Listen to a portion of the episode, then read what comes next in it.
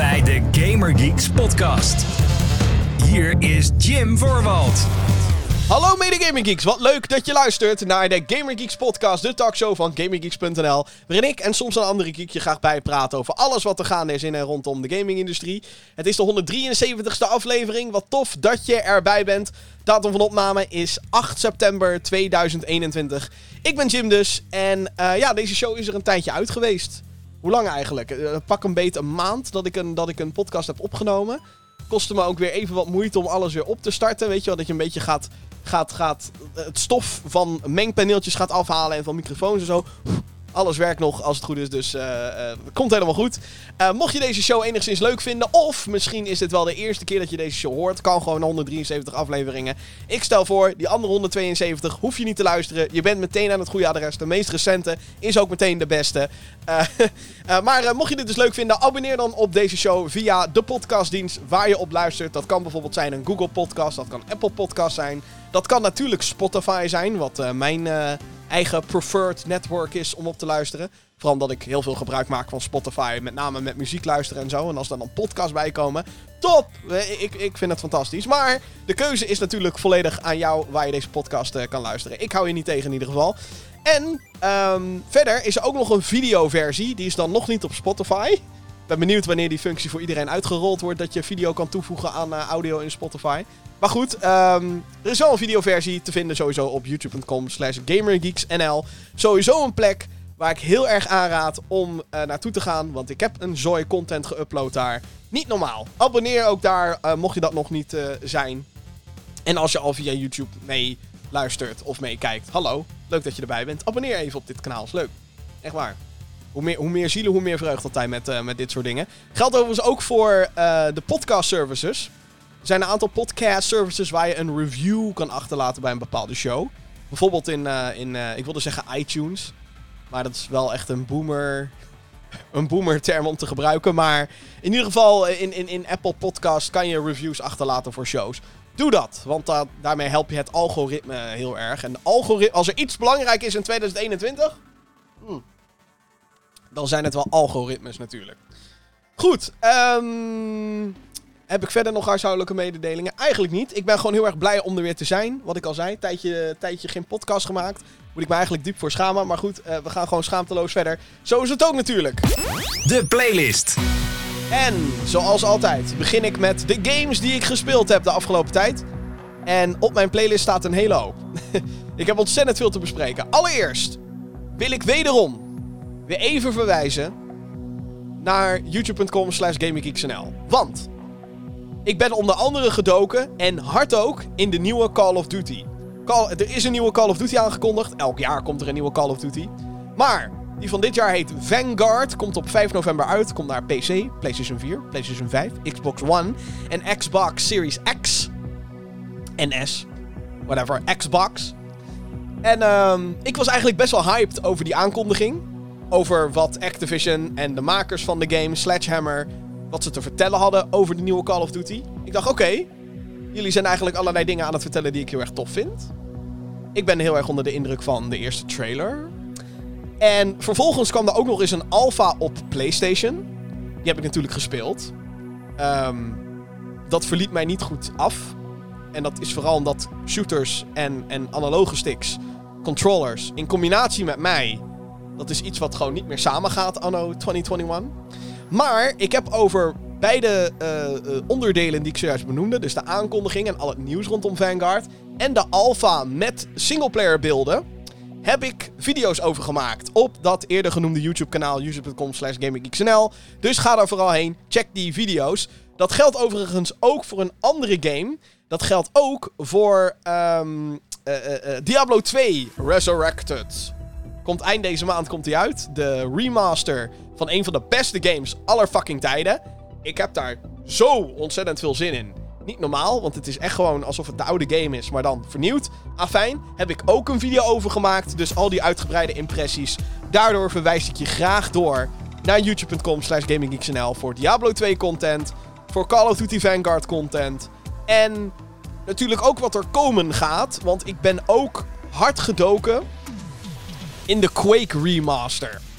Er is een, eh, een vernieuwde versie uitgebracht van Quake. Quake is een oude first-person shooter uit 1996. Uh, Trent Reznor, bekend van Nine Inch Nails, heeft de soundtrack gemaakt. Het is van id Software, de makers van Wolfenstein 3D en Doom.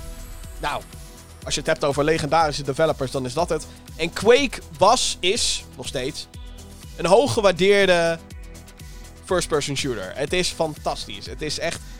En het is zo'n game waar ik vroeger, zeg maar wel, af en toe dingetjes heb gespeeld. Maar ik ben er nooit zo echt diep ingedoken. En wat heel tof is aan deze remaster, of althans remaster, het is, ja, het is gewoon een nieuwe versie van Quake. En um, is, is dat alle expansions erbij zitten. Er waren er twee uitgebracht toen de tijd, maar sindsdien zijn er ook wat nieuwe levels gemaakt door Machine Games, de makers van de nieuwere Wolfenstein games. En dat is echt helemaal te gek. Uh, en ik ga daar uh, een review over maken. Althans, dat is mijn planning op dit moment. Om over de Quake Remaster een, uh, een review te maken. Het is uitgekomen op PC, op PlayStation, op Xbox en zelfs Nintendo Switch. Nu speel ik het op PC, want nou, ik had het net over dat shooters en analoge sticks gaan bij mij niet samen. Laat staan een supersnelle game als Quake. Maar mijn eerste impressies van de remaster, op PC althans, te gek. Heel erg tof. Het is, het is gewoon de oude game natuurlijk. Met wat technische snufjes eraan toegevoegd. En, en, en zodat het allemaal makkelijker speelbaar is voor vandaag de dag. Uh, maar het is echt. Uh, ik, ik, ik ben aan het genieten heel erg van, uh, van dat spel. Dus um, mocht je Quake nog nooit in zijn volledigheid gespeeld hebben, is dit toch wel een hele toffe kans, wat mij betreft. maar daar komt binnenkort meer over dus. Ik wil het wel wat uitgebreider met je hebben in het kader van de playlist. Over iets. Ehm, over twee andere games die ik ook gespeeld heb. In beta-vorm. En de eerste daarvan is een spelletje genaamd Back for Blood. Die heb je misschien al het een en ander over gehoord. Uh, Back for Blood is een game die wordt gemaakt door um, Turtle Rock Studios. En dat is een, uh, een studio die voornamelijk bekend staat als de studio achter Left 4 Dead, ontwikkelstudio. Ze hebben ook nog Evolve gemaakt, wat in 2014 of 15 kwam dat uit. Het is al zo lang geleden en het was een van de grootste AAA flops aller tijden in, uh, in de gaming wereld. Het was dan zo'n game van, oh, we gaan heel multiplayer, gaan we revolutionize. Maar het was zo saai als fuck. En dat bleek wel. Want de game stierf uit na slechts een paar maanden. Maar goed, nu, hebben ze, nu komen ze met een nieuwe game. Back for Blood. En de titel doet je misschien al uh, vermoeden. Goh, Left 4 Dead, Back 4 Blood. Is dit een soort van spiritual successor to Left 4 Dead? Jazeker. Dat is dit 100%.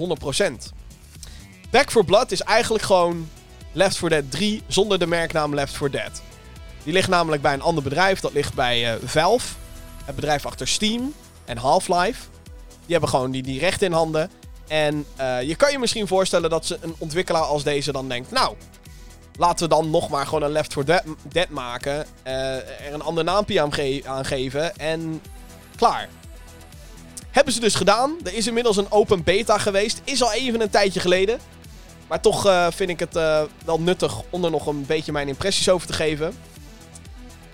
Ik moet zeggen, ik ben niet onder de indruk. Ik moet heel eerlijk bekennen, ik ben zelfs teleurgesteld in deze game.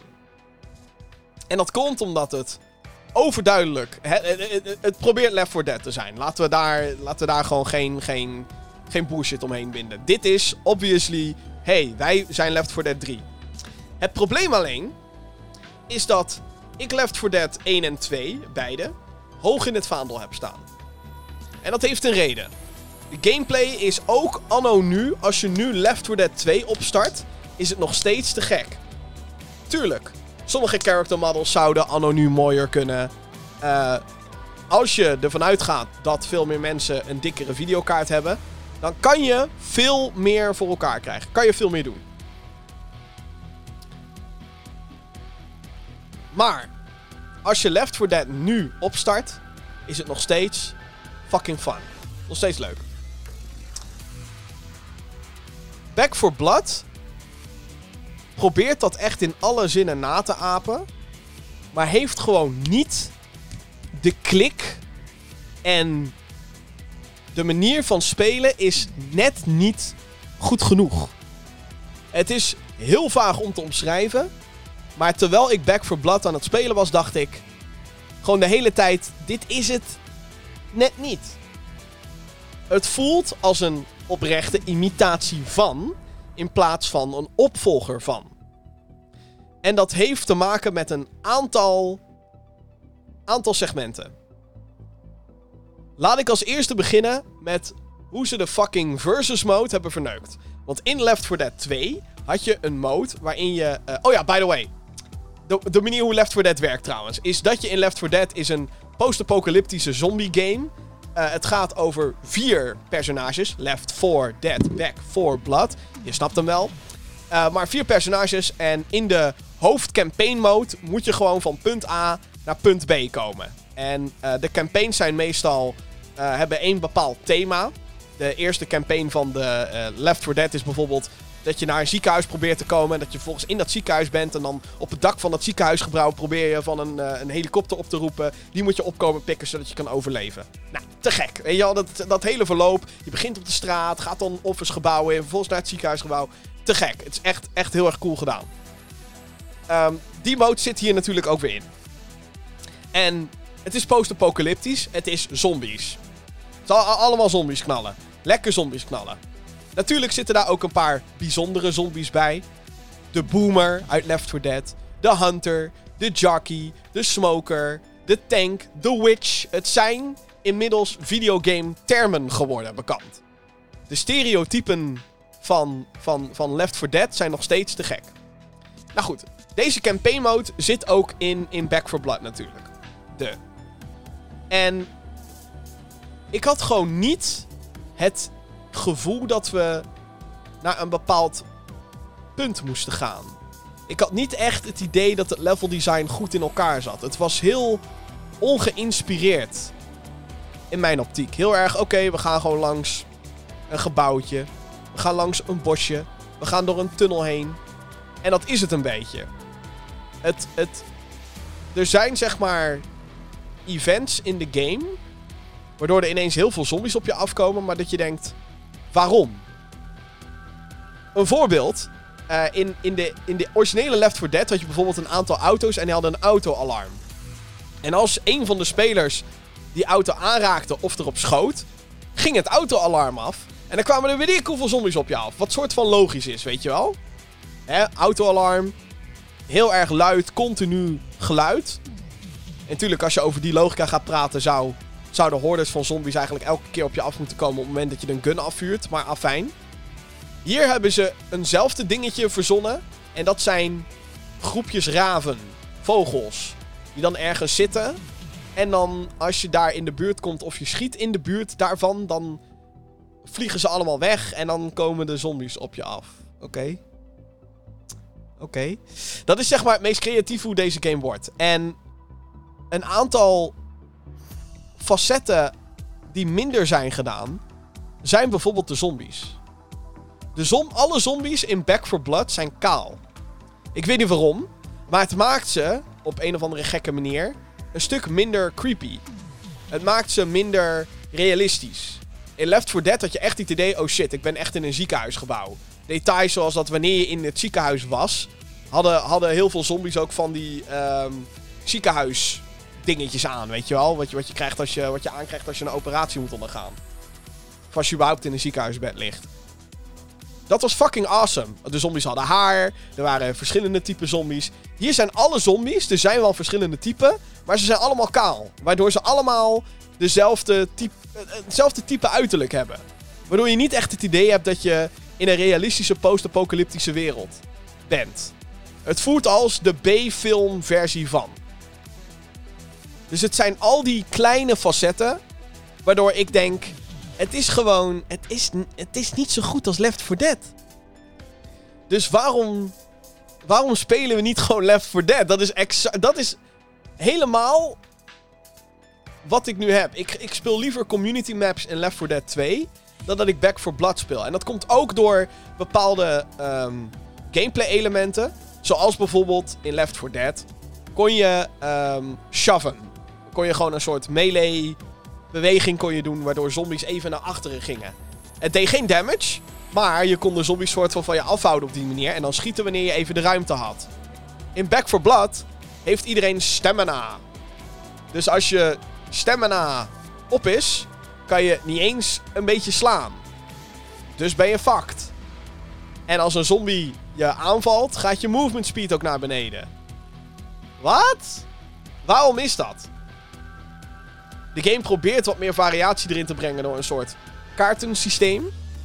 Dus uh, aan het begin van elke ronde, als het ware, kan je een soort ja, kaartdeck kan je equippen. Dan kan je bijvoorbeeld zeggen, uh, alle spelers kunnen 15% sneller reloaden. En die kaarten kan je kopen, dan wel verdienen door gewoon weg de game te spelen. Je hebt ook een soort van mutatiekaarten, dus dat de game ook moeilijker wordt. Dat er bijvoorbeeld staat, uh, zombies kunnen 5% sneller rennen. Ik zeg maar wat. Het zijn allemaal van dat soort dingetjes. Sommige kaarten kunnen alleen met bepaalde characters gebruikt worden. Uh, en sommige mutaties komen alleen op de hogere moeilijkheidsgraden. Het idee daarachter, ik snap het allemaal wel. Maar het voelt alsof dit een soort van weg is naar microtransacties. Een soort van weg naar, ja, we gaan lekker kaartpacks verkopen. En als je op de moeilijkere moeilijkheidsgraden deze shit wil verslaan, dan moet je, um, ja, deze gekke kaartpacks moet je dan hebben. En het voelt gewoon, het voelt niet lekker in die zin. Het, het voelt gewoon alsof er een of andere scummy shit aan zit te komen. Wat ze echt compleet verneukt hebben, is de eerder genoemde versus mode. In Left 4 Dead 2 had je een mode dat twee teams gingen tegen elkaar uh, spelen. En één team speelde dan als de survivors. En het andere team, dat speelde als zombies, speciale zombies. Heel erg tof. En degene die dan als survivor het verste kwam, het team, wat het verste kwam in het level, of het level het snelst had uitgespeeld, dat won. Nou, klinkt als een simpel concept. En je kon daar een hele campaign in. Je kon daar urenlang kon je daaraan kwijt zijn. Ik heb urenlang Left 4 Dead 2 versus mode multiplayer gespeeld. Want het was gewoon heel cool. Het gaf ook een compleet ander perspectief aan de levels die je al kende. Ze hebben dat verneukt in deze game. Wat het nu is, is dat het een kleine arena is. Hele kleine, krappe levels. Die ook nog eens kleiner wordt naarmate de match vordert. Een soort van Battle Royale cirkel, als het ware. En um, ja, de enemies kunnen eigenlijk continu respawnen. De, de, de, de, de, de, de zombies, zeg maar. De spelers die als zombies spelen. Kunnen eigenlijk continu respawnen. Maar het haalt complete spanning eraf. Omdat je niet meer het dynamische hebt van dat je door een lang level heen loopt. Want dan kon je ook als zombie-team kon je zeggen: Oké, jongens, we gaan nu.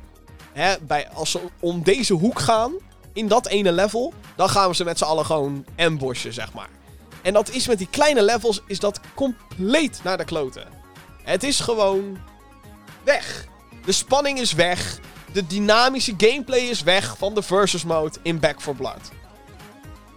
Je merkt het misschien een beetje. Ik heb er ontzettend veel moeite mee om goed uit te leggen waarom ik Back 4 Blood helemaal niks vind.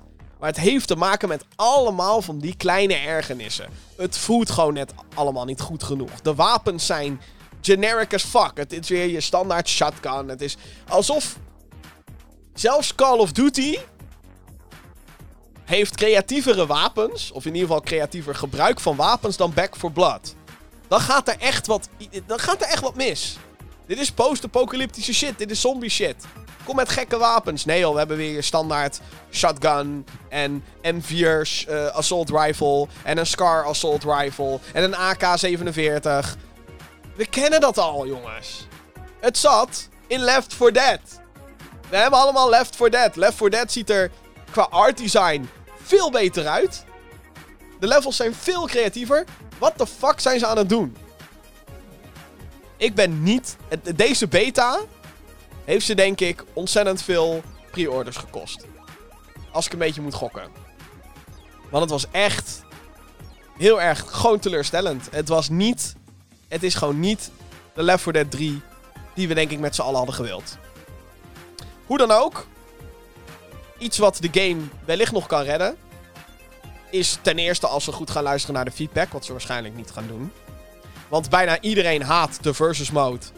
Um, althans, alles wat ik heb gezien online over de beta. Iedereen haat de versus mode. Ehm, dus, dus dat gaan ze waarschijnlijk niet aanpassen. En als ze dat aan gaan passen, dan eh, duurt dat even. Maar het is zo. Ja. Het is echt de B-filmversie van Left 4 Dead. En het is zo fucking disappointing. 12 oktober komt Back 4 Blood in ieder geval uit. Op PC, PlayStation 4, PlayStation 5, Xbox One en Xbox Series X. En dat is dus misschien de redding van Back 4 Blood. Is dat het ook uitkomt op Xbox Game Pass. Dus mocht je daarop geabonneerd zijn, gefeliciteerd. Je krijgt deze game gratis. En dat is misschien ook wel, misschien hebben ze dat ontzettend bewust gedaan. Want, ja, wat moeten ze anders, weet je wel? Letterlijk, wat moeten ze anders? Een andere game waar ik ook een beta van heb gespeeld, wil ik toch nog even heel kort over hebben. Uh, en ja, ik zeg heel kort, en dat beloof ik bij deze. Riders Republic. Riders Republic is een game die uh, wordt uitgegeven door Ubisoft. En Ubisoft is een, uh, nou, een beetje een uitgever met van alles en nog wat. En Riders Republic is eigenlijk gewoon uh, Steep 2. Steep is een, een snowboard slash ski game. En Riders Republic pakt het concept van Steep maar gooit dat over meerdere extreme sports. Dus nu heb je ook mountainbiken en je kan met wingsuits vliegen en allemaal gekke dingen kan je doen. Op de open world map, want dat is het, het is een open wereld, kan je dan allemaal events gaan doen. Van racen, meestal zijn het gewoon races, tot aan trucjes moeten doen. Een soort van Tony Hawk-achtige haal zoveel punten. En het is, het, het is iets waar je van moet houden. En het is niet een game waarvan ik zou zeggen, nou, uh, daar, uh, daar, daar ga ik, uh, weet je, kijk, op ten, tenzij het Tony Hawk is, hoef je mij niet per se wakker te bellen voor een, voor een sportgame, zeg maar. Tony Hawk, ben ik hartstikke fan van, de rest, dat zal wel. Dus Riders Republic is sowieso niet een game waar ik snel enthousiast over zou worden. Dat gezegd te hebben, ik moet zeggen dat Riders Republic best wel leuk is. Best wel leuk in de zin van dat het ook weet dat het compleet bizar kan zijn het feit dat het continu online is. Dat je dus met vrienden gewoon een beetje. Nou, laten we hier maar een race doen. En dat je dan vervolgens met fucking ijsko fietsen van een berg afgaat. Is best. Het is best grappig. Het is best leuk. Best tof gedaan en zo. Hoe die gigantisch grote open wereld. Um, hoe dat allemaal samenhangt. En hoe je trucjes kan doen. En, en ja. Een aardige game. Het enige waar ik me heel erg aan ergerde in de beta was het begin van het spel. Um, ze willen overal een verhaal aan plakken bij Ubisoft. Dus ook bij Riders Republic. Je begint dan als een rookie en je komt in een of andere, weet ik veel, extreme sports organisatie.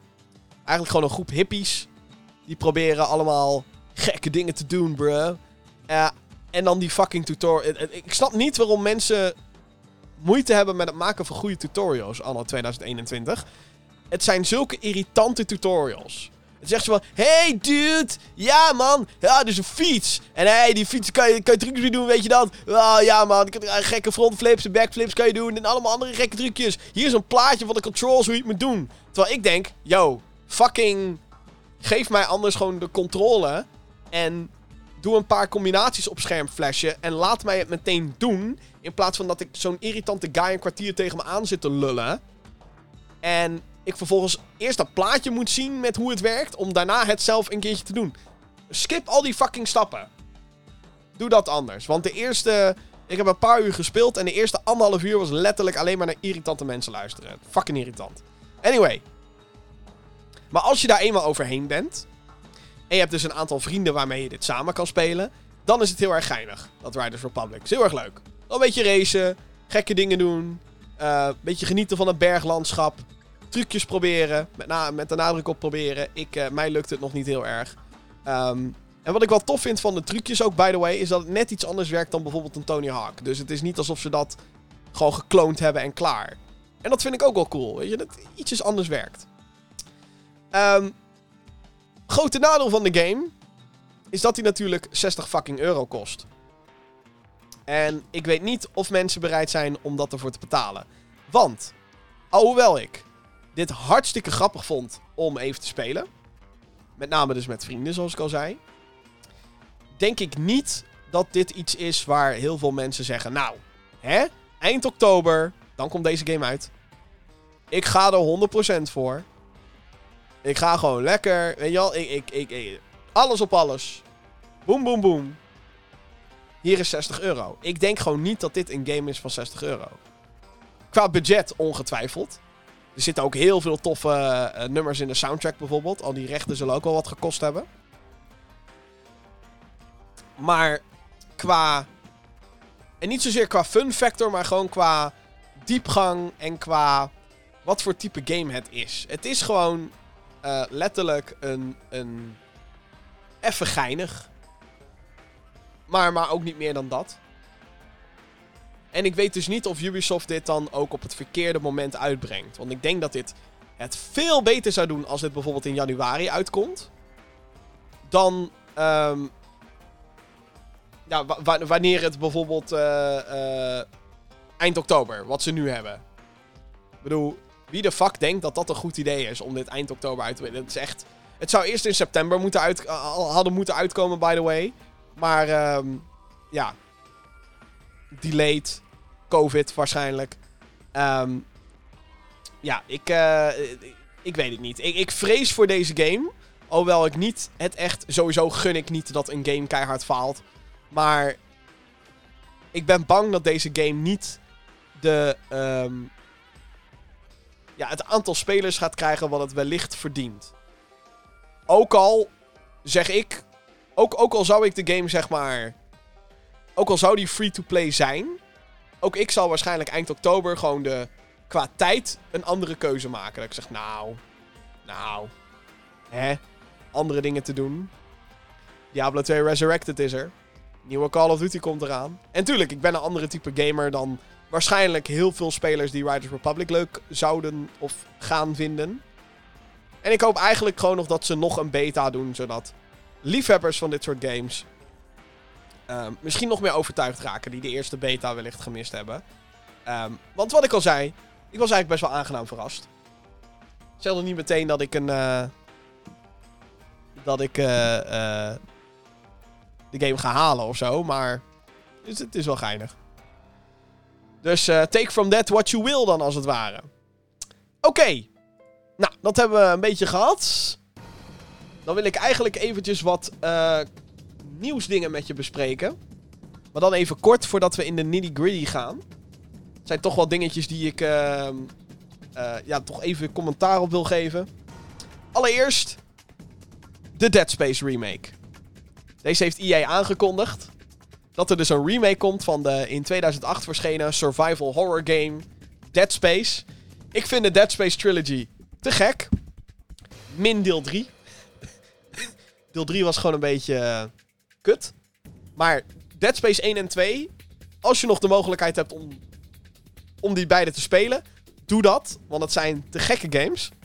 Maar er komt dus een remake van de eerste. En ik ben daar best wel enthousiast over. Ik denk namelijk dat je met de nieuwe technieken van vandaag de dag. Ik bedoel, 2008 is al een tijdje geleden. Dat je echt wel een hele toffe game kan neerzetten. Een beetje à la de Resident Evil remake. Maar dan niet zo drastisch als de Resident Evil 2 en 3 remakes. Want dan ging je van een paar polygonen die op een JPEGje liepen. Ging je naar een volle 3D. Nou ja, de Resident Evil remakes zijn te gek. Ehm, het zal niet die impact hebben. Maar ehm, wel gewoon nieuwe technieken. Wat nieuwe dingetjes. Ze gaan het verhaal ook her en der een beetje intensiever maken. Ik weet dat er meer voice acting in gaat komen. En met raytracing, wat eh, eh, realistische lichtweergave en realistische schaduwen en dat soort. Het is een nieuw technisch foefje. Of althans nieuw, het bestaat al een aantal jaar, maar het wordt steeds normaler om het te gebruiken. Zeg maar. Ik denk dat je met raytracing kan je fucking vette sfeer neerzetten. eh, want het, het is zeg maar. Dead Space is. Een beetje Resident Evil, maar dan op een ruimteschip. Een beetje Alien meets Resident Evil. Zo moet je het zien. En dan met, met, met fucking gekke, ondode aliens, necromorphs. En daar moet je bepaalde ledematen van afschieten om, om ze te killen. Het is echt te gek. Ga die shit opzoeken. Dead Space. Komt een remake van. Fucking excited. Dan. De makers van XCOM. Die hebben Marvel Midnight Suns aangekondigd. Het is een eh, game. Ja, het wordt eigenlijk gewoon XCOM, maar dan met Marvel characters.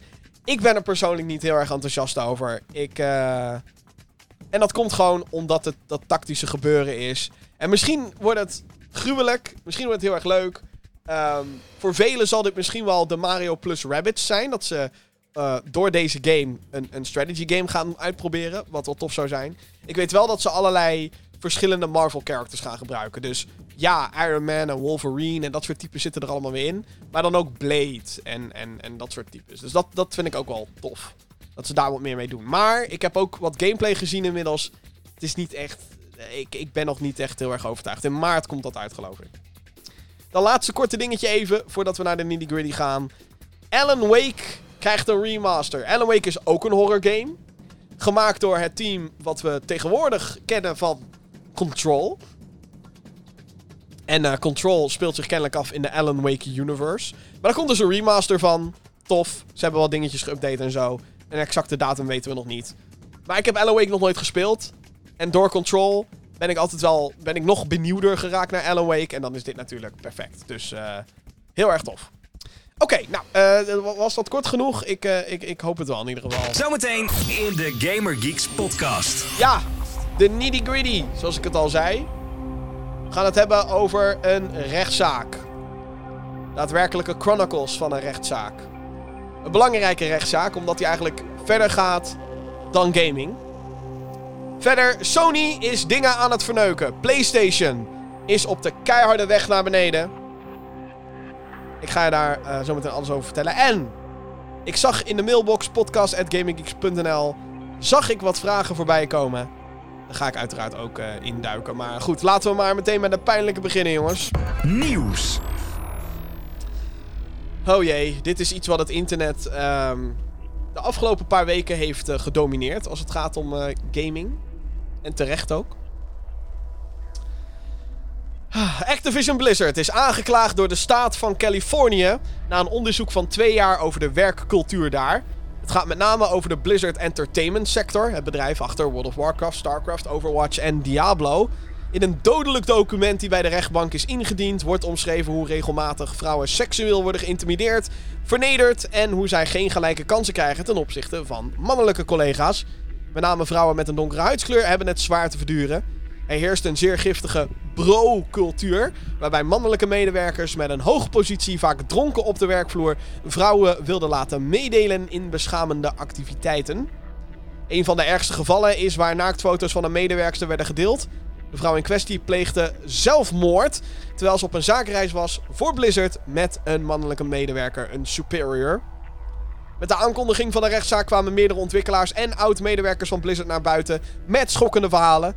Veel uh, medewerkers van Blizzard hebben al een aantal dagen hun werk neergelegd en er zijn al meerdere protesten georganiseerd. Een aantal hoge piefjes van Blizzard zijn inmiddels vertrokken.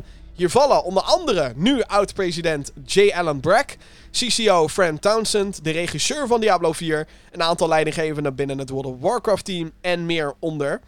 Het laatste vertrek heeft nogal wat impact op Overwatch. Creative director van Diablo 4, dat was uh, tot zijn vertrek Jesse McCree en is wederom vertrokken van Blizzard vanwege de aantijgingen. Spelers van Overwatch weten dat, de naam, uh, dat dat de naam is van een speelbaar cowboy-personage. Zijn naam gaat nu veranderd worden. En Blizzard heeft uh, nu het beleid dat gamepersonages niet meer vernoemd worden naar personeel om dit voortaan te voorkomen. Ook in World of Warcraft zijn er overigens een paar NPC's uh, verwijderd of aangepast, omdat die ook de namen droegen van personeelsleden die shit hebben gedaan. De rechtszaak heeft onlangs ook nog een extra wending gekregen omdat Blizzard kennelijk bezig is met het vernietigen van documenten. Iets wat tegen de wet is, want al die documenten die daar liggen bij Blizzard kunnen natuurlijk gebruikt worden in deze rechtszaak. Sterker nog, ze moeten gebruikt worden in die rechtszaak. En het vernietigen van bewijs is, eh, ja, dat is een beetje vals spelen, hè jongens? Dat is een beetje, is niet goed. Oké. Godsamme, what the fuck. Ik uh, heb een aantal keer, um, voordat ik deze podcast opnam, heb ik, uh, ben ik ook een paar keer wezen livestreamen. Onder andere voor de Gamescom, Opening Night Live en zo, waar zometeen wat uh, nieuws van is. Um, en mensen vragen dan aan mij, wat vind, je, wat vind je hiervan? Wat vind ik nou van deze rechtszaak? Ik vind het heel goed dat deze rechtszaak er komt. Want ik denk, ik, ik weet zeker dat Blizzard niet het enige bedrijf is waar dit soort teringzooi in gebeurt. En degene die het ook maar in hun fucking kop halen om dit soort dingen te doen, schaam je diep, dat ten eerste. En fucking ga weg. Laat mensen überhaupt, of het nou vrouwen zijn of mannen, ongeacht hun afkomst, huidskleur, eh, seksuele geaardheid, kan allemaal, allemaal gereed schelen. Maar blijf van mensen af, wil je? En behandel mensen zoals je zelf ook behandeld zou willen worden als mens. En als je uh, een beetje een logisch denkend mens bent, dan is dat met respect. En dat is iets wat bij Blizzard duidelijk, in heel veel gevallen, niet alles, um, maar iets wat daar duidelijk er compleet doorheen is geglipt, om wat voor reden dan ook. En het is dan natuurlijk een soort. De bro-cultuur waar ze het over hebben, is dat mensen met, met, met hoge posities, die veel macht hebben, hebben dan het idee: oh ja, ik kan dit gewoon lekker maken. Want wat wil ze mij doen? Wil ze mij laten ontslaan? Haha, ik ben namelijk ook vriendjes met die andere guy die in leiderschap zit. dus het is een fucking tyfuscultuur. Waarbij mensen, meerdere motherfuckers, die aan dit soort pestgedrag doen, elkaar het hoofd boven water houden. En dat is waardoor deze situatie is geëscaleerd. En godzijdank voor de staat van Californië. Want we hebben door de jaren heen hebben we allerlei verhalen al gehoord. Hè, mensen, uh, developers die dan op Twitter een of andere tirade gaan houden. En ik vind dit een groot verschil ten opzichte van dat. En waarom? Is omdat dit geen tirade is van een developer op Twitter. Dit is geen blinde aantijging. Dit is een onderzoek van de staat van Californië die twee jaar heeft geduurd. Ze hebben meer dan twee jaar aan data. Hebben zij er soort van verzameld. Anekdotes, bewijsmateriaal. Waar ze, wat ze dus voor een deel proberen te vernietigen. Like, what the fuck. Um, maar twee jaar. Twee jaar is een fucking lange tijd. En als dan na twee jaar blijkt dat dit gewoon het geval is, dan heb ik de neiging om te zeggen ja. Dat is zeker wel degelijk aan de hand daar. En wat ik al zei, blijf gewoon met je fucking poten van mensen af. Laat mensen, hou op met alcohol te klooien op, op de werkvloer. Ik weet niet wat de fuck ze in hun fucking hoofd haalden. En heel eerlijk, ik ben blij dat er mensen vertrokken zijn. Mensen zoals J. Allen Brack, de president van Blizzard, die sinds zijn, sinds zijn presidentschap gaat het alleen maar naar beneden met Blizzard. De, de, de compleet tone-deaf aankondiging van Diablo Immortal op BlizzCon. De fucking de controverse rondom Blitzchung, een Hearthstone-speler, die zei Free Hong Kong. En dat ze ineens allemaal, oh, hij wordt geband en al dat soort shit. En die motherfucker durfde het niet eens gewoon het beestje bij de naam te, te noemen. Die zei, a difficult Hearthstone esports moment. Gast, fuck you. Ik ben blij dat je weg bent. Fuck you. En dat geldt voor meerdere mensen. Blij dat ze opgerot zijn. En ik hoop dat ze fucking nooit meer in de gaming-industrie, oh, nou ja, überhaupt ergens gaan werken, ja. Uh, dat maar ik hoop niet dat ze bij nog een andere gaming developer um, terechtkomen. Want dit soort shit, het is. Het mag gewoon niet getolereerd worden. Fuck off. En misschien heeft J. Allen Brack, hè, de, de, inmiddels oud-president. Misschien heeft hij. Is hij niet direct betrokken geweest bij. Maar het gebeurde allemaal onder zijn neus. En we weten dat. Um, we weten gewoon dat heel veel shit. Dat dat ongehoord is gebleven. En godzijdank hebben die mensen eindelijk een stem. Eindelijk. Godzijdank. Dan is er natuurlijk de morele kwestie. Moeten wij nu allemaal massaal Blizzard gaan boycotten? Sommige mensen nemen nu heel erg duidelijk de beslissing. Bijvoorbeeld World of Warcraft is één dikke leegloop nu begonnen. En ik denk dat de leegloop van World of Warcraft op dit moment is niet alleen maar omdat, omdat dit gaande is. Maar dat is omdat mensen die game al heel erg lang zat zijn van wat ik ervan begreep. Ik heb begrepen dat de lore... Ik speel zelf geen World of Warcraft. Maar ik heb begrepen dat de lore absolute bullshit is. Dat er gewoon heel veel niet klopt aan die game op dit moment. En dat, ze, eh, en dat dit misschien de druppel is die de emmer deed overlopen. Moeten wij nu met z'n allen Blizzard Games gaan boycotten? Mijn antwoord daarop is... Nee. Nee. Want... Als wij nu met z'n allen zouden zeggen... Maar, maar dat is mijn optiek. Kijk, wat jij... Dat wil ik er trouwens meteen even bij zeggen. Wat jij van deze situatie maakt... En als jij vindt... Dat je nu absoluut niet meer... Die games mag gaan spelen... Vanwege je eigen morele kompas... Oké. Ja, nee, prima. Ik kan je moeilijk tegenhouden sowieso, maar... Ik, ik zou dat kunnen begrijpen. Maar... Mijn optiek en mijn mening bij deze...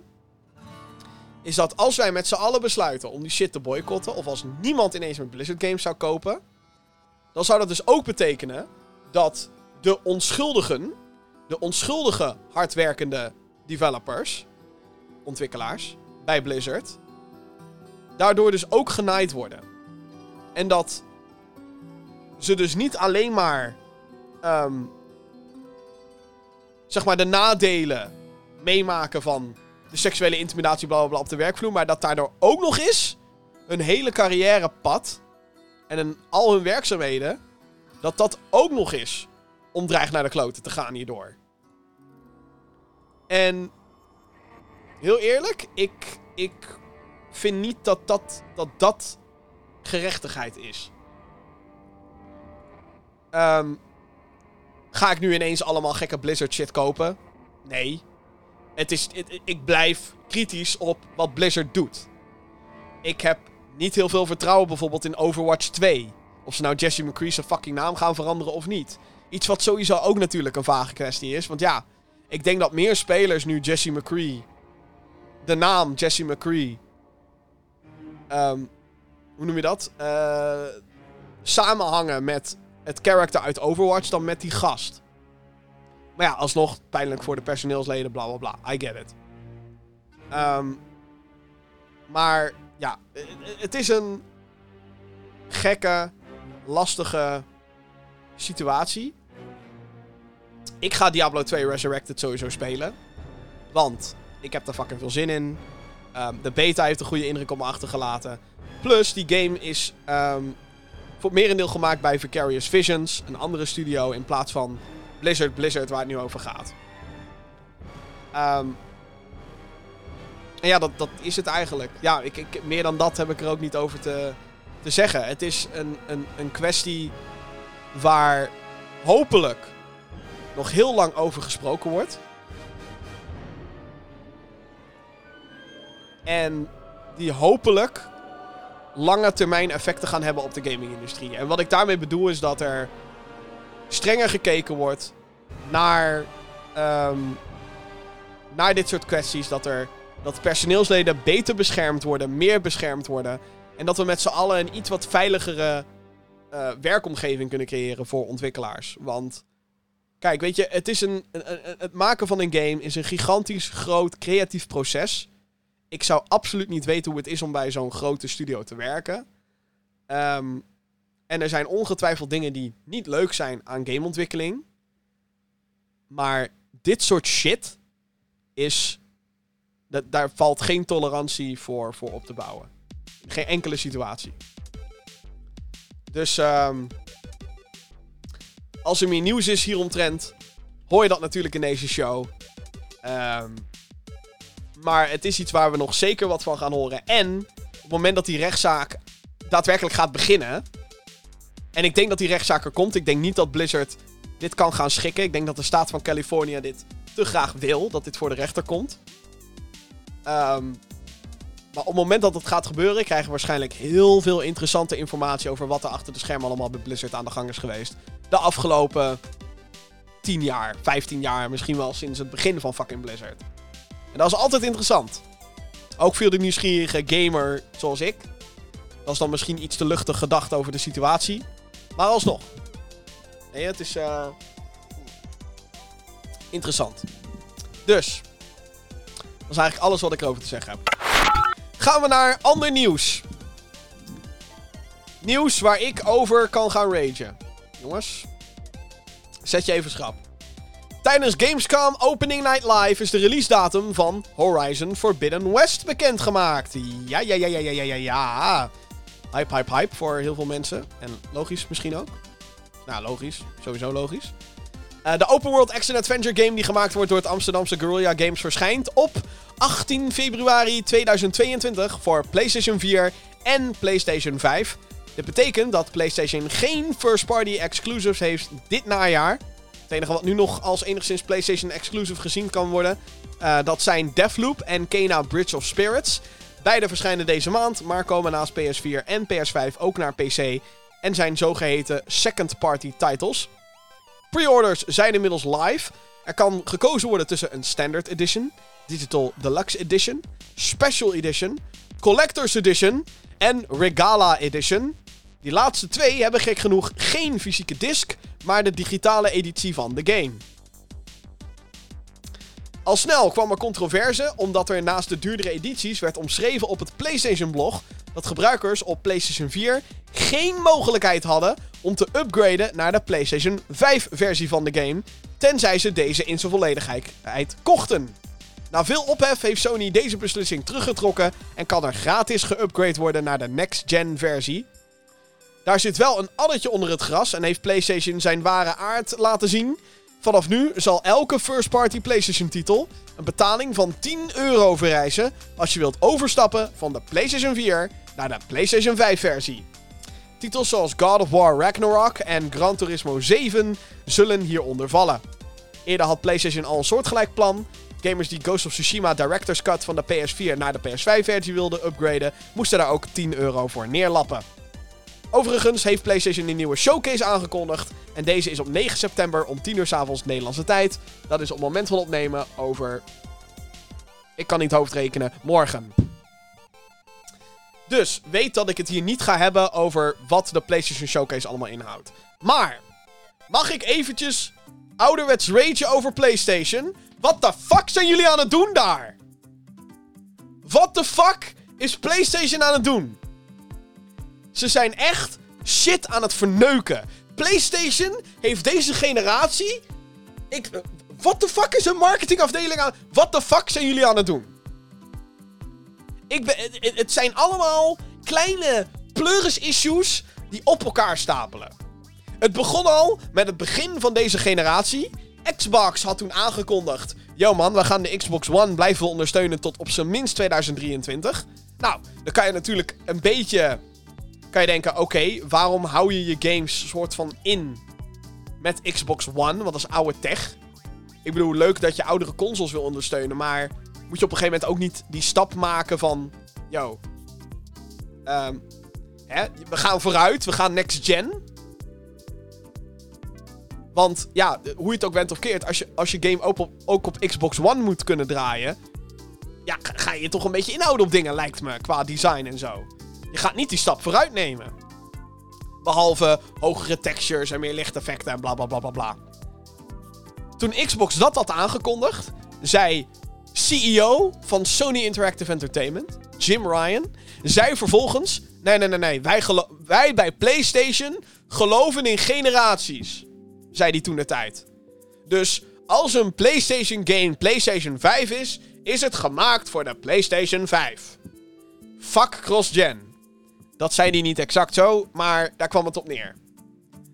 Wat krijgen we vervolgens? Horizon Forbidden West. Naar PS4. Oké, werd gemaakt als PS4 game in eerste instantie. En ging daarna naar PS5. Oké, whatever. Maar dan ook God of War Ragnarok. En Gran Turismo 7. Allebei naar PS4. Er zijn op dit moment eigenlijk heel weinig redenen om een PlayStation 5 te halen. Er zijn maar een paar exclusieve games op PS5 die niet op PS4 te vinden zijn. En degene die dat zijn, zouden makkelijk op PlayStation 4 kunnen draaien. Ratchet Clank Rift Apart, ik vind het een hele leuke game. Review op gaminggeeks.nl. Of überhaupt het YouTube kanaal, et cetera, et cetera. Maar het is een game die op PS4 makkelijk... Het kan makkelijk, jongens. Hetzelfde geldt voor Demon's Souls. Kan ook gewoon. Kan ook gewoon. Want de, het is een remake van een fucking PS3-game. De codebase van de PS3-game draait op de achtergrond van Demon's Souls op PlayStation 5. Ehm, dus dat was al bullshit. Dat was complete fucking bullshit. Vervolgens over hun release schema. Het feit dat PlayStation geen op het moment van opnemen. Want we weten niet wat er bij die showcase komt. Maar geen grote PlayStation Studios games in 2021 na Ratchet Clank Rift Apart die in juni uitkwam. Holy fucking shit, oei. Tuurlijk, er valt genoeg te spelen op je PlayStation. Ongetwijfeld. Maar waarom zou je op dit moment niet voor een Xbox Series X gaan met Xbox Game Pass? Serieus. Waarom, waarom zou je dat nu niet doen? En ik zeg dit onder het belang van PlayStation natuurlijk. Want, kijk, weet je, ik weet het. De pandemie heeft voor heel veel shit gezorgd. De pandemie heeft ervoor, weet je, de, de, de games worden uitgesteld. Er zijn al tientallen, dan wel niet honderden games. Haal, ha, hebben hun release date niet gehaald. I get it, het zal wel. Maar je moet toch wel beter kunnen managen dan dit, jongens. What the fuck? En ik weet het, liever uitstel dan, dan een pleuris buggy cut game. Ben ik ook helemaal, helemaal voor. Don't get me wrong. Maar Tering Jantje had dit echt niet beter gemanaged kunnen worden. Had dit echt niet beter gedaan kunnen worden. Um, en, dat we dat, en dat we die onzekerheid continu hebben vastgehouden. PlayStation hield vol. Het hele jaar hielden ze vol. Ja, 2021 hoor. Terwijl we allemaal, denk ik, inmiddels wel aanvoelden van... Het gaat hem niet worden.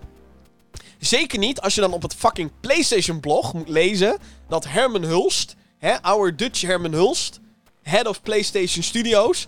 dat in een fucking blogpost op PlayStation moet gaan zeggen... Ja, we weten niet of Horizon dit jaar wel gaat halen.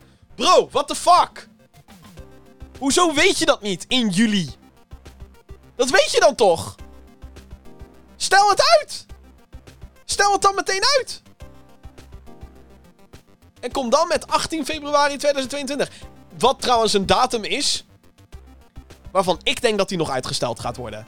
PlayStation heeft een lange historie aan games keer op keer uitstellen. The Last of Us werd.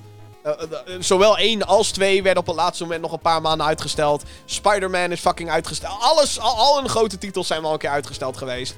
Dit is de eerste keer dat Horizon een datum krijgt. Ik durf te fucking wedden dat het op zijn minst nog een maand uitstel krijgt.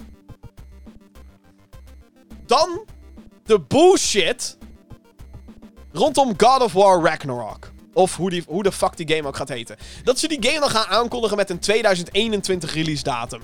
Met alleen een logo. Nul We hebben nog niks gezien van die fucking game, by the way. Op moment van opnemen, nogmaals. Maar, what the fuck? Waarom kondig je die game überhaupt dan als 2021? Iedereen wist op het moment van, van, van aankondiging al dat het niet... Dat gaat hem niet worden. En wat blijkt? Joh, dat ging hem ook niet worden. En ik haat dat. Communiceer gewoon fucking duidelijk met je fucking fanbase. Waarom is dat zo tering moeilijk? En, hebben we, en dan hebben we nu de Horizon Forbidden West Collector's Editions en Regala Editions. Waar geen fysieke disc bij zit, maar wel een digital edition. Waarom? Why? Waarom krijg ik bij een Collector's Edition geen fysieke disc? Kijk, dat het bij PC gebeurt. Bij PC Collector's Editions is dat best wel een tijdje een ding. Oké. Soort van. Oké, I get it. Heel veel PC's komen ook gewoon niet meer met een disk drive. Maar, dan heb je Horizon Forbidden West. Een console game. Met een Collector's Edition. Waar heel veel gekke fysieke shit bij zit. Zoals een groot standbeeld en zo. Je krijgt er een steelbook bij. Maar niet de game fysiek. En dan zou je kunnen zeggen: ja, maar Jim. Ja, maar luister. Er is een digital edition van de PlayStation 5 die geen disc tray heeft. Dan zeg ik ten eerste: Oké, maak dan de keuze dat mensen kunnen zeggen: Ik wil deze Collector's Edition met fysieke disc. Of zonder, met digitale shit. Waarom kan dat niet? Hè? En ten tweede, het is een collector's edition. Zijn nou hoeveel, hoeveel mensen die een digitale editie van de PlayStation 5 hebben, dus heel erg bewust de keuze maken: ik ga all digital. Ik wil niks meer van hoesjes. Ik wil niks meer van discs. Hoeveel van die mensen gaan voor een collector's edition? Die mensen caren dan toch niet om fysieke crap? Dus fucking douw een fucking fysieke disc bij een fucking collector's edition, Matty. Fuck off! Fuck right off! En dan dit hele upgrade gebeuren van PS4 naar PS5. Sony, je wordt fucking greedy, oké? Maak gewoon de fucking upgrades gratis en laat je games dan gewoon 70 euro kosten. Als je per se die prijsbump wilt doen, van hé, hey, onze games moeten duurder. Maak dan gewoon je games duurder, maar maak die fucking upgrade gratis. Ga niet dit soort fucking bullshit doen met... Oh ja, nee, de PlayStation 5 versie is 10 euro duurder. Want ik durf fucking te wedden dat nieuwere games laten draaien op de oude hardware... Dat dat meer moeite kost dan op, op de PlayStation 5 laten draaien. Dus fuck right off. En deze hele 10 euro bullshit barrière... Ik ben het er zo niet mee eens. Fuck off. Oké? Het is gierig. Het is fucking greedy. Maak dan, wat ik, wat ik al zei, maak gewoon je fucking games duurder dan. Fuck it. Maar ga niet dit soort fucking bullshit doen, man. En al helemaal niet dat je liegt tegen mensen. Want toen Horizon werd aangekondigd, was het zo van, ja nee, upgrade is gratis. En vervolgens, nee, nee, nee, nee, nee, nee, toch niet. Nee, koop de game nou nog een keer. Oh, jullie hebben te veel geklaagd online. Nou, nu gaan we het weer. Het is, het is niet, eh, het is niet een oprechte, oh shit, we hebben het verneukt. Nee, we're sorry we got caught. Dat is het. Wat de fuck zijn jullie aan het doen? Gewoon, serieus. Het is allemaal bullshit en, en gieren. Het wordt fucking EA, man. Het is gierige bullshit allemaal. Dat je geld vraagt voor DLC van Ghost of Tsushima. Whatever. De. Maar dan 10 euro voor die upgrade. Fuck off. Fuck off. Gierige onzin is het. Bullshit. Oké? Ja, maar Jim, games worden steeds duurder om te maken. Prima, flikker dan gewoon die prijs omhoog. Nou, kom niet met die upgrade. Laat me gewoon upgraden. Fuck it. Wat doe je moeilijk? Als de upgrade namelijk gratis is, by the way, psychologisch dingetje, zijn mensen veel eerder geneigd om naar de PlayStation 5 over te stappen. Als die weer normaal beschikbaar is. Want dan is het van, oh, hé, hey, maar ik kan al mijn games beter draaien op mijn PlayStation 5. Nu ga je daar een barrière tussen doen. Waardoor mensen veel minder geneigd zijn om te zeggen: Nou, ik ga voor de next-gen console. Want waarom zou je op dit moment? Really? Waarom zou je? Het gaat dus kennelijk geld kosten. Na Horizon. Bij God of War en Gran Turismo, whatever. Gaat dus geld kosten. Om je games überhaupt, zeg maar. normaal te laten spelen op de console. Waar je net fucking 500 of 400 euro voor hebt, ingestoken. Bro, wat the fuck, man? Sony, je verliest de PR-game. Jullie zijn hard aan het verliezen. En hou op. Oké? Hou op. Ik snap wel waarom ze hun tagline hebben veranderd. Het is niet meer voor de players. Het is nu play has no limits. Nee, money has no limits. En ik snap het. Sommige games worden duurder. Maar misschien moet je daar een creatieve oplossing op bedenken. In plaats van dit soort bullshit te gaan verzinnen. En dit soort achterlijke onzin. Je koopt een fucking collector's edition van 200 euro. En daar kan geen fucking disc bij zitten. Fuck you. Fuck you. Bro. En dan ook nog de Regala edition die nog fucking duurder is. Jezus. Ik heb serieus, normaal, in, in, in, in andere gevallen, had ik... Uh, ik, ik, ik, zou het je nog zeggen. Ik zat klaar met mijn portemonnee. Ik zat helemaal, oké. kom maar door, want ik heb de Collector's Edition van Horizon Zero Dawn heb ik. Te gek. Heel veel zin in. Toen ik dat zag... Yo, de Collector's Edition krijg geen disc bij, man. Krijg geen fysieke disc, maar de Digital Edition. Afgehaakt. Fuck it. Nope. Nope. Nope. Waarom wil ik een box... Nou, whatever. Ik, ik, ik heb mijn statement al gemaakt. Ik heb mijn statement al gemaakt. Ik ben pissed af. Ah. Het is niet meer het PlayStation van PS4. Het, de PS4, eh, het PS4-tijdperk. We hebben te maken met een PlayStation die slecht communiceert. Niet weet wat de fuck ze aan het doen zijn. En misschien, misschien na de presentatie die, die morgen op het moment van opnemen is kijk ik er volledig anders op en zeg ik, ah nee joh, ik had het helemaal fout. PlayStation is, is baas. oh man, er komen zoveel mooie games aan. En oh, dit is echt een PlayStation 5 de moeite waard. Ja man. Zou kunnen. Kan. Ik kan van mening veranderen. Maar holy fuck. Ga wat aan je PR-game doen. Ga wat aan je communicatie doen, Sony. Want dit is niet de manier. Dit is echt niet de manier. Alsjeblieft. Ik smeek het je als PlayStation-fan zijnde. Als iemand die fucking op dag 1 PlayStation 5 hier hebt staan. Die fucking een stapel heeft met PS5 discs. Alsjeblieft. Be better. Overigens nog steeds heel veel zin in Horizon, maar dat even, dat even buiten gelaten. Oké, ander nieuws dan. Halo Infinite heeft een release datum. De nieuwe game in de populaire first-person shooter franchise verschijnt op 8 december voor PC, Xbox One en Xbox Series X. De game kan gewoon gekocht worden, maar is ook te vinden op Xbox Game Pass. Er moet wel bijgezegd worden dat de multiplayer volledig free-to-play gaat. Alhoewel dit aan zich goed nieuws is, is het niet uh, het volledige Halo-pakket die fans gewend zijn. Zo zijn modi zoals Co-op Campaign en The Forge, waar de community eigen levels kan maken, niet aanwezig bij launch. Die verschijnen gedurende het eerste halfjaar van 2022. Althans, dat is de bedoeling. Dus ja, um, een paar mensen zijn hier best wel pissed af over, over die uh, missende modi. Maar uh, ja. Kijk, guys. Xbox heeft wel een grote game dit najaar. Oké, het is pas op 8 december. Maar oké. Uh, ik heb hier eigenlijk best zin in. Volgens mij wordt het een van de weinige, of althans de eerste Halo-game in jaren. die uh, tegelijkertijd ook op PC verschijnt.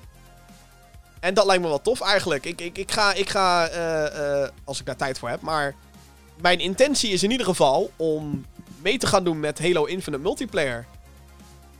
En nou heb ik zo goed als geen verstand van Halo Multiplayer.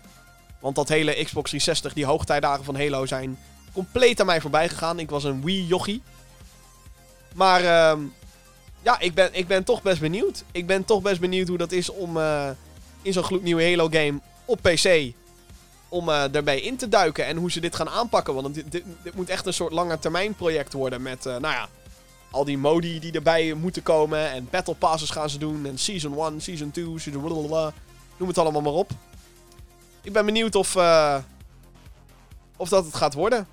Het is een project waar heel veel al is misgegaan. Het is al. Uh, het had eigenlijk vorig jaar in het najaar al moeten uitkomen. Dat werd hem niet, zoals we weten. Um, dus ja, spanning en sensatie alom. Halo Infinite dus, 8 december 2021. Spannend. Saints Row krijgt een reboot. Ja, dat was, uh, werd ook aangekondigd tijdens Gamescom Opening Night Live. Nieuwe game in de over-the-top open world third-person shooter. Ja, probeer dat maar eens tien keer achter elkaar te zeggen. De nieuwe game in de over-the-top open world... Zo, wauw. Over-the-top open world third-person shooter. Over-the-top Open world, nou, whatever. De nieuwe game in de over-the-top open world third-person shooter uh, franchise werd aangekondigd tijdens Gamescom Opening Night Live. Het zal de eerste game in de serie worden sinds de standalone expansion Saints Row 4 Get Out of Hell en de geflopte spin-off Agents of Mayhem. Dat was echt een flop, by the way. De reboot lijkt de toon aan te nemen van de latere delen met een artstyle die geïnspireerd is door Fortnite. Echt waar. Uh, na de aankondiging werd duidelijk dat de game singleplayer, maar ook co-op met een andere speler gespeeld kan worden. Kritiek op de aankondiging was best heftig. Vele spelers zijn het oneens met de richting waarin de franchise heen gaat. Saints Row, de nieuwe dus, komt uit op 25 februari 2022 uh, naar PC, PlayStation 4, PlayStation 5, Xbox One en de Xbox Series X. Ja, er was inderdaad um, nogal wat commentaar. Uh, heel veel dislikes op trailers en zo. Ehm, ik ben zelf niet heel erg bekend met het hele Saints Row. Ik ken het natuurlijk. Ik ken Saints Row. Ik ken eh, de naam. Ik weet hoe over de top het allemaal is. Zelf nooit echt gespeeld. Maar eh, fans waren hier echt niet blij mee. Die wilden wat meer terug juist naar Saints Row 1 en 2. Waarin het meer om een soort van gangster shit ging. Dus dat je als gang eh, zaken kon overnemen en zo. En onder druk kon zetten. dit lijkt weer heel erg, ja, cartoony te worden. En gewoon, hey, hey man, yeah! Ah, rocket launcher! Weet je, een beetje dat uh, idee. Um, veel gameplay hebben we overigens nog niet gezien. Dus ook in dat opzicht kan, er ook niet, uh, kan ik er ook niet echt een oordeel over geven. Eigenlijk hoop ik dit... Eigenlijk hoop ik dat dit een soort cartoony Just Cause wordt. Is dat gek? Just Cause is een, uh, ook een open world game. Maar dan kon je heel veel dingen slopen. En ik vond dat zo leuk. Mij lijkt me dat juist leuk in een niet Just Cause titel. Op een of andere manier. Maar goed, dat, dat is met mij nogmaals hele gelimiteerde kennis van Saints Row. Overigens heb ik nu wel The Third Remastered heb ik op mijn PC staan. Uh, die werd namelijk uh, uh, gratis aangeboden op de Epic Game Store. Om deze aankondiging te vieren. Um, dus misschien, als ik er tijd voor heb, dan ga ik. Maar ik had niet echt een uh, mening over, over de trailer en zo. Want het was CG en. Ik, ik wel, liefst heb ik gewoon een, een game aankondiging met gameplay. Wat niet altijd mogelijk is, dat weet ik. Maar. Ja, dat, uh, Saints Reboot dus. Maar het komt best snel, eind februari. Dus dat belooft wat. Dan wat publisher nieuws. Focus Home Interactive, een uitgever in de gaming-industrie, gaat van naam veranderen. Na het overnemen van studio's zoals Dotemu en Deck 13 vond de partij het een goed moment om van branding en naam te veranderen. De uitgever staat nu namelijk bekend als simpelweg Focus Entertainment. Dus geen Focus Home Interactive meer, het is nu Focus Entertainment. Verder verandert dat voorlopig niets aan het schema van de publisher. Recentelijk brachten ze Aliens Fireteam Elite op de markt. Aankomende games zijn Aeon Must Die, First Person Shooter Evil West, tactische game Insurgency Sandstorm op consoles. En volgend jaar verschijnt A Plague Tale Requiem. Focus is een interessante partij. Het is een partij die um, niet is zoals EA en Ubisoft en Warner Brothers. Vaak zijn het wat iets wat kleinere titels. Het zijn vaak titels met niet hele hoge budget, budgetten, maar wel ontzettend veel ambitie. En het nadeel is, is dat die ambitieuze ideeën vaak middelmatig worden uitgevoerd in hun titels. Maar dat, je door die, maar dat het door die ambitie ontzettend veel interesse opwekt. En ze hebben wel wat hits, waaronder dus A Plague Tale Innocence, de eerste Plague Tale game. Um, dat was echt een onverwachts grote hit. En van, ik moet die ook nog spelen. Ik weet het, ik schaam me. Maar uh, alhoewel dat ook een spel is waarbij uh, um, mensen ontzettend veel erop aan te merken hebben, is het toch een game waarvan ik denk, oh, oké. Hetzelfde geldt voor een game die ik ook nog steeds moet spelen, die dit jaar is uitgekomen, wel geïnstalleerd staat op mijn PC. Dat is Necromunda Hired Gun. Een science fiction, hele snelle first-person shooter. Die heel veel weggeeft van de moderne Doom games. Waardoor ik natuurlijk zoiets heb van, yeah, let's go. Um, ja, ook dat is, is zeg maar... Ik heb wel het idee dat het niveau van focus steeds hoger wordt. Qua uitvoering. En dat maakt mij best wel enthousiast. Dus, um, kijk, deze nieuwe branding gaat daar niks aan veranderen. Maar het is wel heel interessant om deze partij in de gaten te houden. Dus uh, houd in de gaten. Focus Entertainment dus, vanaf nu. Dan wederom een schandaal in de gaming-industrie. Jawel. De president van Tripwire Interactive, een uitgever bekend van onder andere Killing Floor, Man-Eater en Chivalry, heeft de gaming-industrie op zijn dak gekregen. John Gibson, zoals hij heeft, uh, heet, die heeft getweet met steun aan de nieuwe abortuswet in de Amerikaanse staat Texas. Deze wet stelt de overheid in staat degene te beboeten die meewerken aan een abortus als er een hartslag aanwezig is. En dit is na 5 à 6 weken zwangerschap al het geval. Zeer controversiële nieuwe wet. Um, een beetje schandalig als je het aan mij vraagt. Niet lang na publicatie van de tweet heeft ontwikkelstudio Shipwright Games die de high game Man-Eater ontwikkeld hebben, laten weten per direct de contracten met uh, Tripwire te ontbinden. Thornbanner Studios, die ook gewerkt heeft aan Chivalry 2, Hij heeft gezegd dat het team niet eens, het niet eens is met het statement van Gibson. Maar uh, heeft nog geen directe contractontbindingen aangekondigd. Een dag nadat al deze controverse gaande was, heeft ook de CEO, John Gibson dus, die die zooi getweet heeft, aangekondigd uh, weg te gaan. Omdat zijn visie niet aanslaat bij hoe de rest van het bedrijf vindt dat er met mensen omgegaan moet worden. Dus ehm, ja, dat. Tripwire is zijn uh, CEO kwijt. Um, ik zeg bij deze good riddance. Kijk, weet je... Dit is een beetje het, het gevaar ook. Als mensen over politiek en zo gaan tweeten. Ja. Is dat dan wel verstandig, denk ik überhaupt? Ongeacht aan welke kant je dan staat. Kant tussen aanhalingstekens. Maar... Ja, weet je, het is gewoon... Uh, zeker zo'n controversiële wet, om daar dan vol je support voor, voor, voor uit te spreken. Je zou dan denken dat zo'n gast dan op zijn minst eerst een beetje met zijn personeel gaat praten. Van, goh, wat vind jij eigenlijk van die wet? Want ik vind het eigenlijk wel goed. En dan krijgt hij waarschijnlijk heel veel van, wat? Serieus? Wij niet, man. En dan kan je daar onderling een goede discussie over hebben, maar dat hij die shit meteen op Twitter moet gooien. Wat natuurlijk ook aan de ene kant zijn goed recht is. Het is, het is wel een beetje een double-edged sword. Aan de ene kant heb ik zoiets van iedereen moet kunnen zeggen wat hij of zij wil. Uh, aan de andere kant moet je in zo'n functie misschien ook wel uh, oppassen, opletten, zeg maar. Maar goed, um, ja, Tripwire, nieuwe uh, CEO. Ik ben benieuwd of uh, de makers achter Maneater nu alsnog wel weer teruggaan naar. Um, naar of, ja, ja de, de, de makers van Maneater, of die weer teruggaan naar Tripwire hierdoor. Omdat die guy weg is. Betwijfel het, maar je weet het niet. Oké, dan gaan we naar het laatste nieuwtje van deze aflevering. Het laatste nieuwsbericht. Uh, uitgever THQ Nordic is bijna 10 jaar oud. En om dat te vieren gaan ze een digitale showcase houden. Op 17 september 2021 gaat dat gebeuren. Dat zal gepresenteerd worden door Jeff Keighley. Uh, bekend van Gamescom Opening Night Live en de Game Awards. De showcase gaat zes nieuwe game-aankondigingen bevatten. En heeft The Return of Legendary Game Franchises. En wat dit dan zal zijn, dat is nog een raadsel natuurlijk. Want uh, ja, wie de fuck weet dat soort shit? Ik niet. We kunnen gissen. Maar goed. Um, de afgelopen aantal jaren hebben THQ Nordic en moederbedrijf die Embracer Group in ieder geval een shitload aan studio's overgekocht. Daar hebben we ook vaak over gesproken in, uh, in deze show.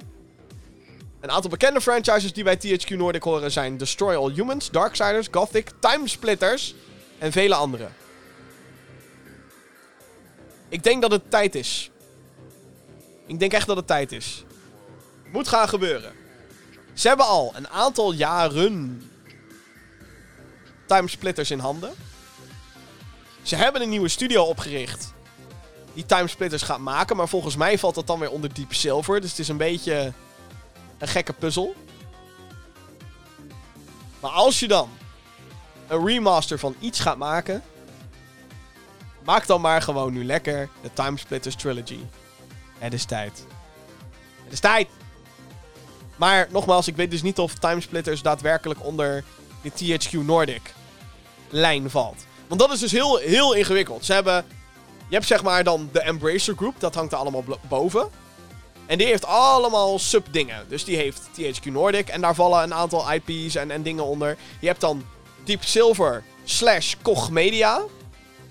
Die heb je ook nog. Maar onder Koch Media valt ook weer een uitgever genaamd Prime Matter. Dan heb je ook nog Saber Interactive, die ook van hun is. Wat de fuck gebeurt er allemaal? Ik weet het zelf ook niet. Ik weet het zelf ook niet. Maar, um, mocht Timesplitters onder THQ Nordic vallen, de trilogy remastered. Let's go. Het is tijd. Voor die shit. Goed. Tot zover.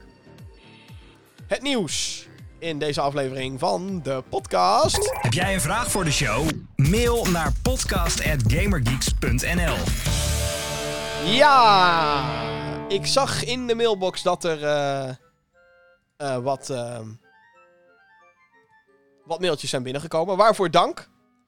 Overigens, op het moment van opnemen eh, doet de mailbox het niet. dat is eh, best wel awkward om te zeggen.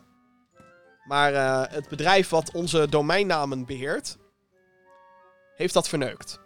Waardoor onze mailboxen eh, tijdelijk inactief zijn. Dus eh, ik zou zeggen, laat even onder de YouTube comments wat achter als je een vraag hebt voor de show. Voor nu. Maar goed, dat daar gelaten. Ik heb wel een aantal vragen binnengekregen, waarvoor dank dus. Laat ik daar eventjes doorheen gaan. Want dat verdient het wel. Ruben die heeft gemaild, die zegt... Hey geeks, ik heb een vraag. Wat is jullie favoriete movement-based game? Oftewel een game waar je veel moet platformen. En vooral veel kan rennen, springen, dashen. Groetjes van Ruben. Ruben, dankjewel. Ik heb hier even over nagedacht. En ik ben met drie titels gekomen. Drie titels waarvan ik denk... Oh ja, dat is wel echt lekker qua movement. Vind ik dat hele toffe games. De eerste, Dying Light. Open world, first person, zombie, post-apocalyptic game. De tweede komt eind dit jaar uit. Hype. 7 december uit mijn hoofd. Hype. Ehm, ziet er fucking goed uit. En Dying Light heeft eigenlijk heel veel eh, parkour, freerunning overgenomen van Mirror's Edge. En heeft het beter gedaan dan Mirror's Edge.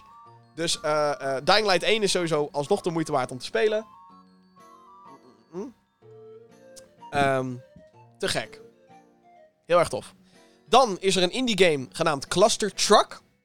Waarbij je door allerlei... Op, eh, je moet van punt A naar punt B moet je daar zien te komen.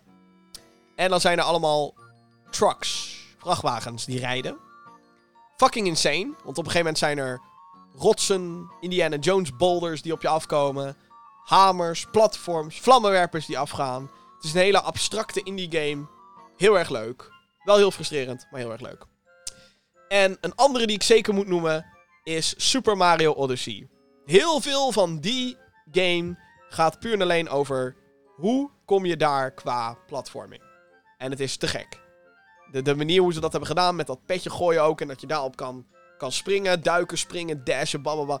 Super Mario Odyssey heeft ook, zeg maar, fantastische besturing. Oh, ik, ik, op het moment dat ik super, begon met het spelen van Super Mario Odyssey, nu een jaar of vier geleden, je weet gewoon vanaf minuut 1, deze game is fantastisch.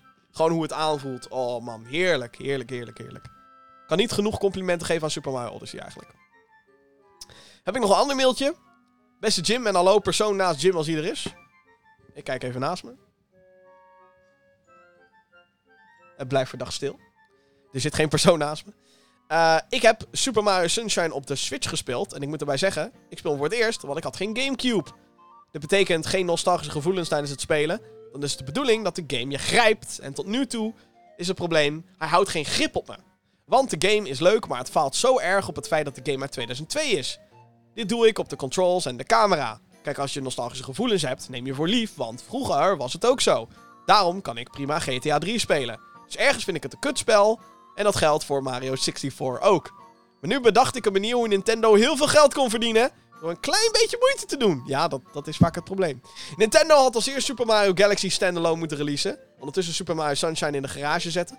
Luisteren naar de fans wat ze geweldig vinden van de game. Een kleine beetjes aanpassen en boom, vier maanden later Super Mario Sunshine. Doe dit bij 64 ook. En release die weer vier maanden later. Gooi er een beetje HD over, zoiets. En elke game had je voor 40 euro kunnen vragen. Nou, Nintendo kennen, dat doen ze gewoon 60. Weet je zeker van eh, dat, je de, dat je dan weet dat het goed wordt verkocht. Dat is gewoon 120 euro die je pakt en je apparaat is een heel jaar eh, door onder de aandacht. Zijn jullie het hiermee eens? Groetjes van René. Ehm, ik ben het ermee eens dat ehm, de Super Mario 3D Collection, waar je nu op doelt, die heeft ports van Super Mario 64, Super Mario Sunshine en Super Mario Galaxy. Ehm, ik ben het ermee eens dat die ports niet voldoende zijn. Zeker als je dan zegt, yo, dit is de 35e verjaardag van Mario. Woe, en we pakken uit met een fucking luie, luie poort. Heel veel mensen hebben dan gezegd, joh, het zijn drie games voor de prijs van één, 60 euro. Waar maak je druk over? Kijk, ik maakte me om heel veel dingen druk. Ik maakte me druk om het feit dat ze A, niet eens de moeite hadden gedaan om eh, überhaupt iets te doen met Super Mario 64, die nog steeds in 4x3 draait. Eh, Geen hogere framerate. Bij Super Mario Sunshine ook geen hogere framerate. Like, what the fuck? Weet je hoeveel mooier die games zou zijn als je op hogere framerate zou draaien? Anyway.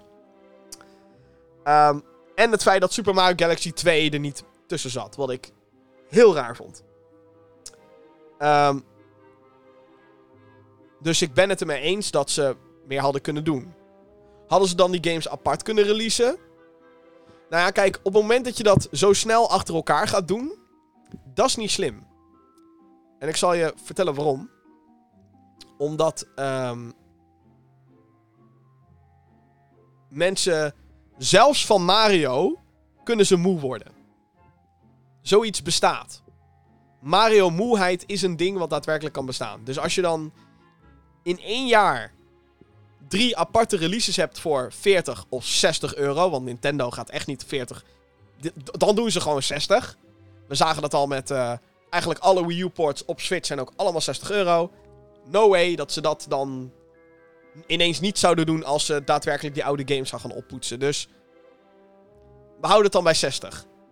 Drie keer 60 euro voor een oude Mario game. Want dat blijft het in kern. In de kern blijft dat het. Um, in één jaar is too much. Is echt too much. Omdat je daarmee. Uh, kijk, als je daar, daarmee opbouwt naar. Um, bijvoorbeeld een, een gigantisch grote nieuwe Mario game. Whatever. Maar dan is. Ja, dan, dan zou ik gezegd hebben: douw de moeite in en verkoop dan het pakket.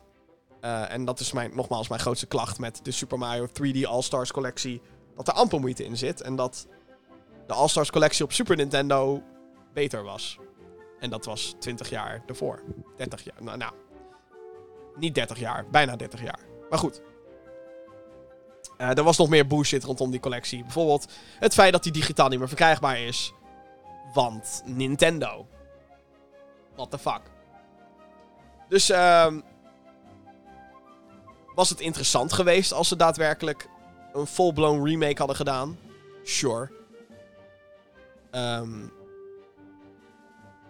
maar dan moet je ook wel echt de moeite doen om de shit te remaken. En in alle eerlijkheid, ik denk dat Sunshine, als je daar gewoon een. dat in HD doet, hogere framerate, anti-aliasing eroverheen. Misschien wat verbeterde watereffecten her en der. En dan ben je er al. Je zou de controls inderdaad nog een beetje kunnen aanpassen. Om het wat vloeiender te krijgen. Maar meer dan dat hoeft er eigenlijk ook niet echt aan die game veranderd te worden, denk ik. Dus daar waar Super Mario 64 inmiddels wel gewoon heel veel profijt kan hebben van een volledige remake. Sterker nog, er is al een remake geweest en dat is Super Mario 64 DS. En die hadden ze er ook bij moeten doen. Gewoon zo, je kent het origineel, dus de DS-versie, we vieren 3D Mario, en de hele legacy, bla bla bla. Dat had het logisch geweest. Maar verder, uh, ja, denk ik dat het een, uh, een onrealistische uh, onrealistische pitch is, zeg maar. Om drie, drie, drie aparte releases te doen in één jaar van Mario games. En dan zul je maar net zien dat, dat Nintendo dat nu weer gaat doen. En dan heb ik het over 3D Mario platformers. Hè? Dan heb ik het niet over... Um, uh, nu bijvoorbeeld, uh, wat is er dit jaar allemaal verschenen? Super Mario 3D World. En dan Super Mario Kijk, nu hebben ze ook die 35-jarig bestaan gehad. En Mario Party en, en Mario Golf. Dat zijn wel echt andere dingen, zeg maar. Ze hebben het dus eigenlijk al gedaan, omdat Mario 35 jaar bestond. Maar om dat nu nog te doen, of ja, weet je, als je de tijd terugdraait, hadden ze het misschien kunnen doen, maar. Ja, het is, het is allemaal een beetje te veel wat als scenario's. En uh, als we kijken naar het huidige Nintendo. Ik ben heel benieuwd waar ze nog mee gaan komen. Maar laten we niet vergeten, de Switch is ook alweer 4,5 jaar oud. Ja, er komt een OLED-model. Ja, er komt nog een Metroid game waar ik fucking hyped voor ben trouwens. Metroid Dread. Heel erg, heel erg veel zin in. Maar wat kunnen ze verder eigenlijk nog op die Switch? Behalve hopelijk nieuwe games aankondigen. Maar ja, hadden ze dat al lang niet een keertje moeten... Althans, ja, ze hebben natuurlijk wel continu nieuwe games aangekondigd en zo. Maar... En, en ik ben al lang blij dat er een nieuwe Mario Golf is bijvoorbeeld. Nog niet gespeeld, want de reacties waren mild op die Mario Golf. Toen dacht ik, oh, dat is jammer. Ik had eigenlijk gehoopt dat mensen zoiets hadden van... Mario Golf is helemaal de shit, het is weer terug. Maar dat is het niet echt. Wat jammer is. Maar goed, ik wacht gewoon lekker op Metroid. En eh, laten we hopen dat ze ooit, ook ooit nog met een nieuwe Mario Kart komen. Dat zou ik dan weer te gek vinden. Maar wat, wat ze daar dan weer mee moeten doen, geen idee. Ik zou wel pleiten voor een soort van Mario All-Stars kart. Dus dat ze alle circuits van alle oude Mario Karts pakken. Die fucking remaken. Hier, bam. Mario Kart All-Stars 9. Shit. De 100. en breng de items van Double Dash terug. Ik wil gewoon Mario Kart Double Dash 2. Oké, dat gaat niet gebeuren. Whatever. Ik ben alleen maar aan het eilen nu. Ik ben alleen maar gekke, gekke, gekke dingen aan het kwaken. Uh, anyway. Uh, bedankt in ieder geval voor je mailtje. Wel leuk dat, je er, dat, dat, er zoveel insight in zat. En dat, dat het ook tof is dat je bijvoorbeeld wel GTA 3 kan spelen. Omdat je daar nostalgische shit mee hebt. Maar geen Super Mario Sunshine. Toch, blijft toch interessant. Het is een beetje uh, het timeframe waar je in zit, denk ik. Of wat je net wel en net niet gespeeld hebt. Zoals ik met Halo. Halo multiplayer. Ik zou niet weten waarom dat zo legendarisch was. Ik zou het niet weten. Niet qua gevoel. Ik weet wel waarom het belangrijk was. Halo multiplayer toen de tijd. Het was gewoon console, online, shooter multiplayer voor het eerst dat dat groot was. Maar waarom was het zo leuk? Ik zou het niet weten, qua gevoel. Anyway, dat brengt ons na bijna anderhalf uur aan het einde van deze 173ste aflevering van de Gaming Geeks podcast. Um, voordat je gaat en voordat ik ga, wil ik toch nog even aan je vragen of je wilt abonneren op deze show via je favoriete podcastdienst. Denk bijvoorbeeld aan een Google Podcast, Apple Podcast of Spotify, daar waar deze show natuurlijk te vinden is. Um, mocht je meer hebben met video, check dan vooral youtube.com slash gamergeeksnl. Daar waar ook een videoversie van deze podcast te vinden is. En waar nog meer content is, hè. Ik heb daar zoveel gekke dingen op gedaan de afgelopen paar weken. Zal ik even kijken? Ik ga even kijken hoor. Ik heb Diablo 2 open, Resurrected Open Beta impressies gedaan. Ik heb twee video's gemaakt over Call of Duty Vanguard. Wat de fuck ben ik een fanboy geworden? Misschien. Ik heb een review gemaakt van Ratchet Clank Rift Apart. Is dat de PlayStation 5 must-have? Check GamingGeeks.nl. Ik heb um, indie spotlights gedaan van boomer shooters. Want er is een boomer shooter shit geweest. Een storm aan nieuwe boomer shooters. Ik ben hyped as fuck, jongens. Ga het allemaal checken. YouTube.com slash GamerGeeksNL. Goed. Um, bedankt voor het luisteren naar deze Gaming Geeks podcast. Bedankt, bedankt, bedankt. Echt dat je het uh, tot hier hebt volgehouden. Vind ik heel knap. Um, dus ja, wat ik al zei, bedankt voor het luisteren. En heel graag tot de volgende keer. Doei!